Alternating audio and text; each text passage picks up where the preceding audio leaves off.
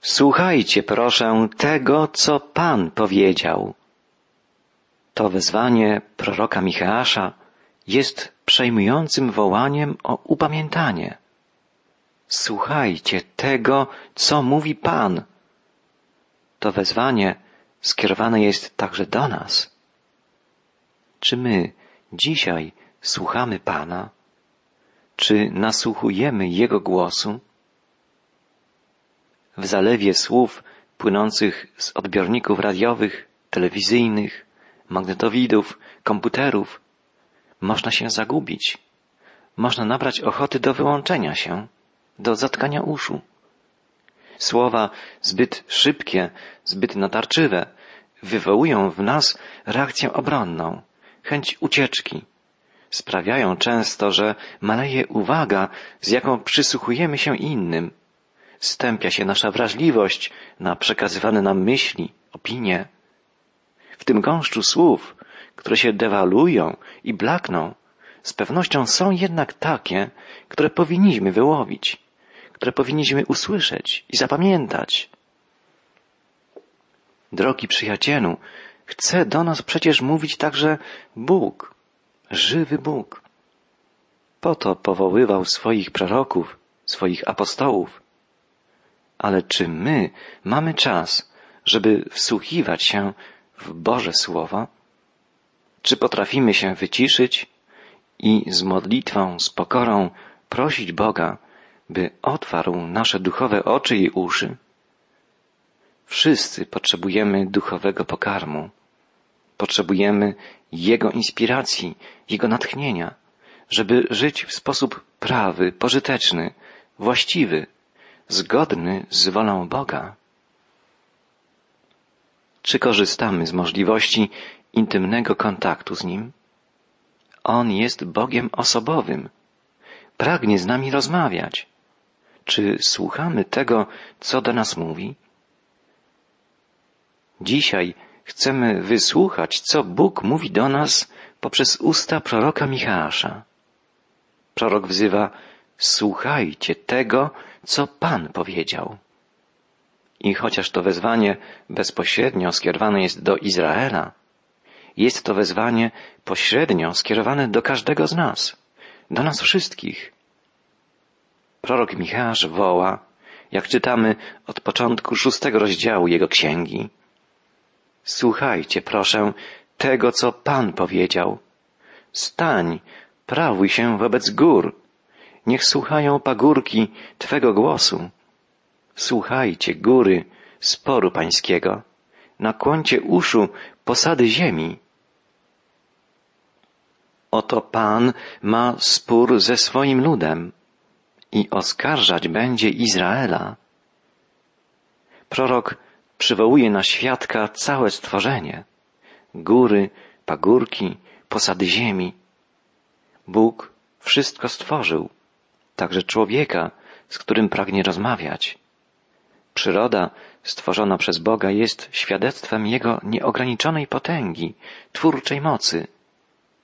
Dlaczego człowiek nie chce słuchać tak wspaniałego Pana, Twórcy wszelkiego dobra, Boga pełnego miłości?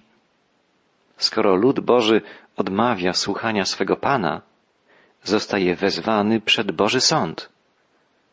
Oto Pan ma spór ze swoim ludem, woła prorok, i będzie go oskarżać.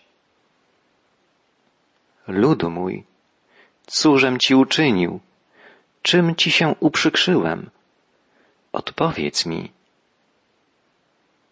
Te słowa wypowiedziane w imieniu Pana przez Micheasza przypominamy sobie zawsze w czasie Wielkiego Tygodnia.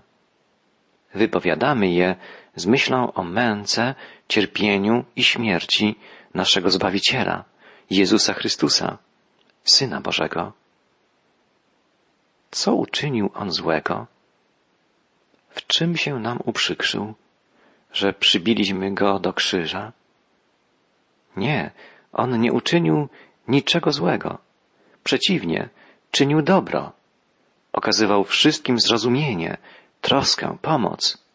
Był pełen cierpliwości, łagodności, był pełen miłości. wstrząsająca jest ta skarga Pana. Ludu mój, cóżem ci uczynił? Czym ci się uprzykrzyłem? Odpowiedz mi. Podobnie Bóg wzywał lud pierwszego przymierza. Dlaczego odwróciliście się ode mnie? Dlaczego popadliście w odstępstwo? Czy byłem dla was przykry, niedobry? Czy wyrządziłem wam jakieś zło?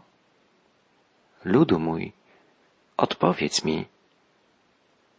Otom cię wywiódł z ziemi egipskiej, z domu niewoli wybawiłem ciebie i posłałem przed obliczem twoim Mojżesza, Aarona i Miriam. Bóg opisuje swoje dzieła dokonane pośród Izraela. Są one dowodem Jego wierności, Jego stałej troski o lud pierwszego przymierza. Bóg wyprowadził swój lud z niewoli egipskiej w cudowny sposób. Wcześniej Pan sprawił, że w czasie wielkiego głodu w Egipcie mogła schronić się rodzina Jakuba, patriarchy Izraela. Dzięki Józefowi rodzina Jakuba zamieszkała w żyznej ziemi Goszen w delcie Nilu i tam przez całe stulecia żyła spokojnie, uprawiając zboża, hodując trzody, aż rozrosła się do rozmiarów narodu. Kiedy faraon w obawie przed coraz liczebniejszym ludem izraelskim postanowił go zniewolić i zmuszał go do ciężkiej, katorżniczej pracy, Bóg posłał do Egiptu Mojżesza, który wyprowadził naród izraelski na wolność. Wprawdzie ich droga przez pustynię była trudna, uciążliwa, ale wędrowali tak długo z powodu własnego nieposłuszeństwa, z powodu ciągłego szemrania, narzekania, buntowania się. Bóg jednak opiekował się nimi, dawał im cudowny pokarm, poił ich wodą wyprowadzoną ze skały, dał im przywódców, Mojżesza, Arona i Miriam, aby ich prowadzili. O Mojżeszu, Aaronie i Miriam mówi teraz właśnie prorok Micheasz. Mojżesz był tym, z którym Bóg rozmawiał, objawiał mu swoją wolę, swoje przykazania. Aaron został powołany na kapłana. Wraz ze swoimi synami rozpoczął służbę w pierwszej świątyni izraelskiej, świątyni mieszczącej się w namiocie, zwanym przybytkiem Bożym lub namiotem spotkania, bo tam Pan spotykał się ze swoim ludem. Tam był obecny pośród nich, w oboku chwały, prowadził ich dzień po dniu. Ciekawe jest to, że prorok Micheasz wśród przywódców Izraela wymienia także Miriam. Miriam nie tylko pięknie śpiewała, prowadząc kobiety żydowskie w pieśniach wielbiących Pana. Możemy sobie wyobrazić, jak trudne było codzienne życie na pustyni dla kobiet i dla ich dzieci. Przez czterdzieści lat kobiety musiały troszczyć się o codzienne sprawy. Rodziły, wychowywały dzieci. Do ziemi obiecanej, jak wiemy, wkroczyło nowe pokolenie. Miriam popełniała błędy. W pewnym momencie zbuntowała się przeciw swemu młodszemu bratu Mojżeszowi. Ale przecież błędy na pustyni popełnili także Mojżesz i Aaron. Miriam była osobą wybraną przez Boga. Dodawała sił kobietom izraelskim, podtrzymywała je na duchu, wskazywała na Pana, służąc swoim przykładem, zachęcając je do wielbienia Boga pieśnią i codziennym życiem. Bóg nie zapomniał o kobietach. Bóg troszczy się o kobiety, zawsze na równi z mężczyznami. Posłałem przed obliczem Twoim Mojżesza, Aarona i Miriam. Wybawiłem Cię z domu niewoli. Czym Ci się uprzykrzyłem, ludu mój? Cóżem Ci uczynił? Poprzez usta proroka Bóg przypomina swoje dzieła pośród Izraela, bo pragnie uświadomić całemu ludowi, że to nie z jego strony ale z ich strony wystąpiło zło, niewierność, nieprawość. Micheasz przekazuje dalsze słowa Pana. Czytam piąty wiersz szóstego rozdziału. Ludu mój, wspomnij proszę, co zamierzał Balak, król Moabu, a co mu odpowiedział Balaam, syn Beora, co było od Shittim do Gilgal, żebyś poznał zbawcze dzieła pańskie. Prorok wspomina wydarzenia, które sprawiły, że Izraelici po długiej wędrówce wkroczyli wreszcie do ziemi obiecanej. Shittim było ostatnim miejscem obozowania przed przekroczeniem Jordanu. Natomiast w Gilgal Izraelici rozbili pierwszy obóz w Kanaanie, już po cudownej przeprawie, gdy Bóg zatrzymał wody rwącej rzeki, by cały lud mógł przejść po dnie pod wodzą Jozuego. Michałasz podkreśla, że stało się tak, aby wszyscy poznali zbawcze dzieła pańskie. Micheasz wspomina też Balaama, syna Beora, który był prorokiem Pana, ale otrzymał od moabskiego króla Balaka propozycję, żeby za sowitym wynagrodzeniem wypowiedzieć przekleństwo przeciw Izraelowi. Balaam jednak nie przeklął ani razu Izraela, pomimo tego, że król Moabu prosił go o to czterokrotnie, za każdym razem zabierając proroka na inną górę, skąd widać było obóz izraelski jak na dłoni. We wszystkich wystąpieniach Balaama zawarte były zamiast przekleństw błogosławieństwa pod adresem Izraela. Widoczna była w tych słowach wielka miłość Pana względem Izraela. Przytoczę kilka krótkich fragmentów obszernych wypowiedzi Balaama. Znajdujemy je Księdze Liczb, czyli w czwartej Księdze Mojżeszowej, w rozdziałach 23 i 24.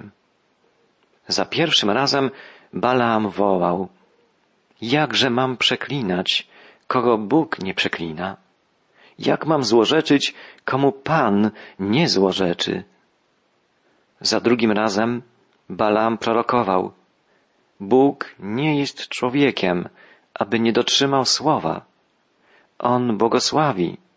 Ja tego nie odmienię. W Jakubie nie dopatrzyłem się niczego zdrożnego. Nie widziałem obłudy w Izraelu.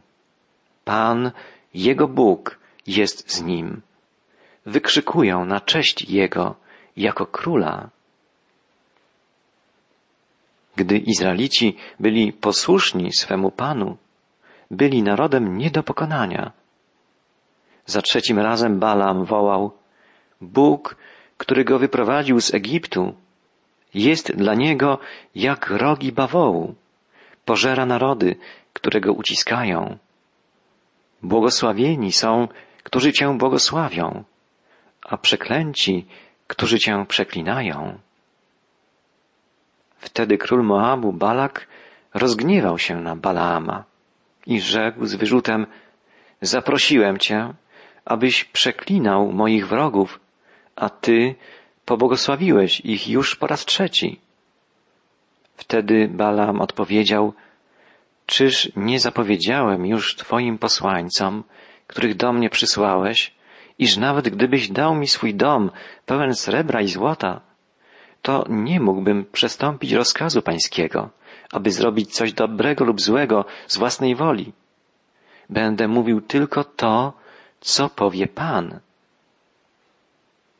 I na koniec Balaam wygłosił następujące proroctwo. Słowo tego, który słyszy słowa Boga, który zna myśli Najwyższego. Widzę go, ale nie teraz. Oglądam go, lecz nie z bliska. Wzejdzie gwiazda z Jakuba, powstanie berło z Izraela i roztrzaska skronie Moabu. Władca wywodzi cię będzie z Izraela. Balaam zapowiedział zwycięstwo Izraela nad Moabem i nad innymi ludami. Zapowiedział, że spośród Izraela powstanie zwycięski król, co w bliższej perspektywie było przepowiednią o zwycięskich podbojach Dawida, o sile królestwa Dawida i Salomona, ale w dalszej perspektywie było zapowiedzią nadejścia Mesjasza Izraelskiego, syna Dawidowego, króla, wybawiciela wszystkich narodów. Mimo iż Balam przekazał wiernie słowa Pana, jego postać została oceniona w Biblii negatywnie. W Nowym Testamencie czytamy kilkakrotnie o błędzie Balaama. Błąd ten polegał na tym, że doradził on królowi Moabu, skoro nie można przekląć Izraela, skoro nie można pokonać go w otwartej walce, trzeba zaatakować go od wewnątrz. Królu, spraw, żeby kobiety moabskie zaczęły się wiązać z mężczyznami spośród Izraela, a wtedy odciągną ich od Pana i sprawią, że nie będą już tak silni. I tak rzeczywiście się stało. Czytamy w 25 rozdziale Księgi Liczb, czyli czwartej Mojżeszowej, gdy Izrael osiadł w Shittim, zaczął lud uprawiać nierząd z Moabitkami. Zapraszały one lud na rzeźne ofiary swoich bogów, a lud jadł i oddawał pokłony ich bogom. Do tego wydarzenia odniósł się sam Jezus, gdy ukazał się Janowi na wyspie Patmos. Przekazując poselstwo dla zboru w Pergamie, Jezus rzekł, Mam ci za złe, że są tam tacy, którzy trzymają się nauki Balaama, który nauczał Balaka, jak uwodzić synów izraelskich, by spożywali rzeczy ofiarowane bałwanom i uprawiali nierząd. Te słowa Jezusa zapisane są w Księdze Objawienia, Apokalipsy, w drugim rozdziale. Błąd Balaama, nauka Balaama, czy droga Balaama. Takie trzy określenia znajdujemy w Nowym Testamencie. To nie opis jednego odosobnionego wydarzenia w historii Izraela. Ten błąd, ta droga, ta nauka jest źródłem największego zagrożenia także dla Kościoła, dla każdej współczesnej wspólnoty wierzących. Największe niebezpieczeństwo grozi zawsze nie z zewnątrz, ale od wewnątrz. Ludzka słabość, ludzka porządliwość, ludzka grzeszność to przyczyna upadku, oddalenia się od Boga, odstępstwa. W historii Izraela znajdziemy wiele przestróg dla nas. Ta, o której mówimy dzisiaj, jest jedną z najważniejszych. Pomyślmy, gdyby Izraelici nie ulegli pokusom proponowanym przez Moabitki, na nic zdałby się podstęp Balaama. Bóg poprzez usta proroka Micheasza przypomina o tym wydarzeniu, żeby podkreślić, że to nie z jego strony występuje niewierność, ale ze strony ludzi, ze strony grzeszników. Ludu mój, cóżem ci uczynił? pyta Pan. Czy to ja okazałem się niewierny? Nie. Nawet Balaamowi, człowiekowi nieszczeremu, nie pozwoliłem cię przeklinać, mimo iż wiedziałem, że nie okażesz się wierny względem mnie. Słuchajcie, proszę, tego, co Pan powiedział. Stań, prawuj się wobec gór. Niech słuchają pagórki Twego głosu. Słuchajcie, góry, sporu pańskiego. Nakłoncie uszu, posady ziemi.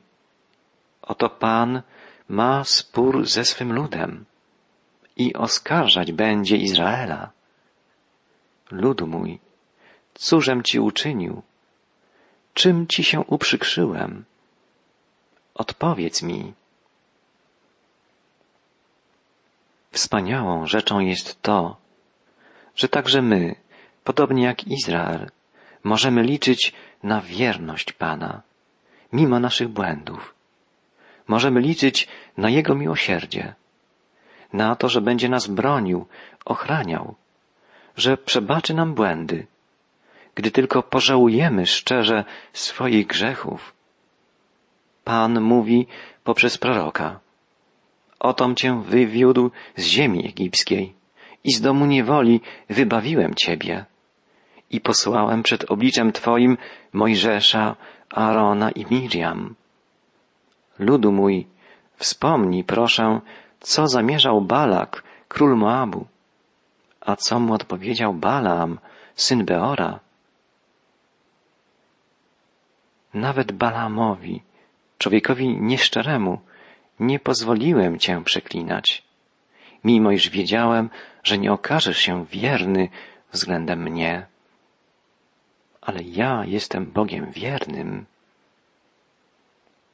Drogi przyjacielu, nasz Bóg jest Bogiem wiernym, jest Bogiem pełnym miłosierdzia. On pragnie nam przebaczyć, pragnie nas oczyścić. I jeszcze jedna wspaniała wiadomość.